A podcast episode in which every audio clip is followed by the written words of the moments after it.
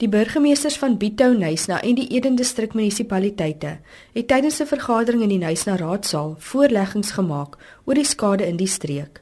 Minister Sisulu het voorgestel dat daar in die langtermyn gefokus moet word op geïntegreerde behuising en dat daar weggedoen moet word met informele nedersettings. Sy sê as 'n tydelike maatreël gaan haar departement vier bestande strukture verskaf aan diegene wat steeds dakloos is. But we don't want the temporary shelter that turns into informal settlements. So we're going to use as, as much as possible uh, prefab uh, where it is um, where it is acceptable. But of course, it's got to be tested and given the necessary uh, stamp of approval by our uh, Bureau of Standards. And that's what we're going to use for the short term, possibly another year or so. Die informele nedersetting van Witlokasie was die ergste geraak, met sowat 140 strukture wat afgebrand het. Een van die inwoners, Timbili Plaatjie, het die grootste deel van sy huis in die brand verloor. Slegs een kamer het oorgebly, maar sy bure het alles verloor. Hy sê hy deel sy enigste kamer nou met drie van sy bure.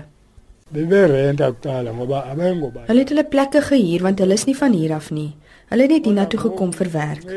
Maar nou kan ek hulle ook nie hier vra nie, want hulle het alles verloor.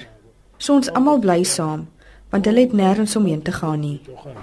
bake noko abanawuthini Minister Sisulu sê al die provinsiale LERre is aan boord om met die finansiering van behuising in die gebied te help.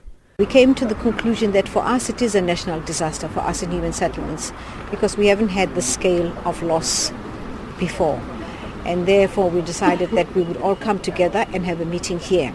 And the intention is that we would each give from our own uh, budgets allocated for subsidies to ensuring that we can rebuild some of the houses Dit word as een van die grootste rampe in die land se geskiedenis bestempel en daar word gehoop dat belanghebbendes sal saamwerk om volhoubare oplossings te vind.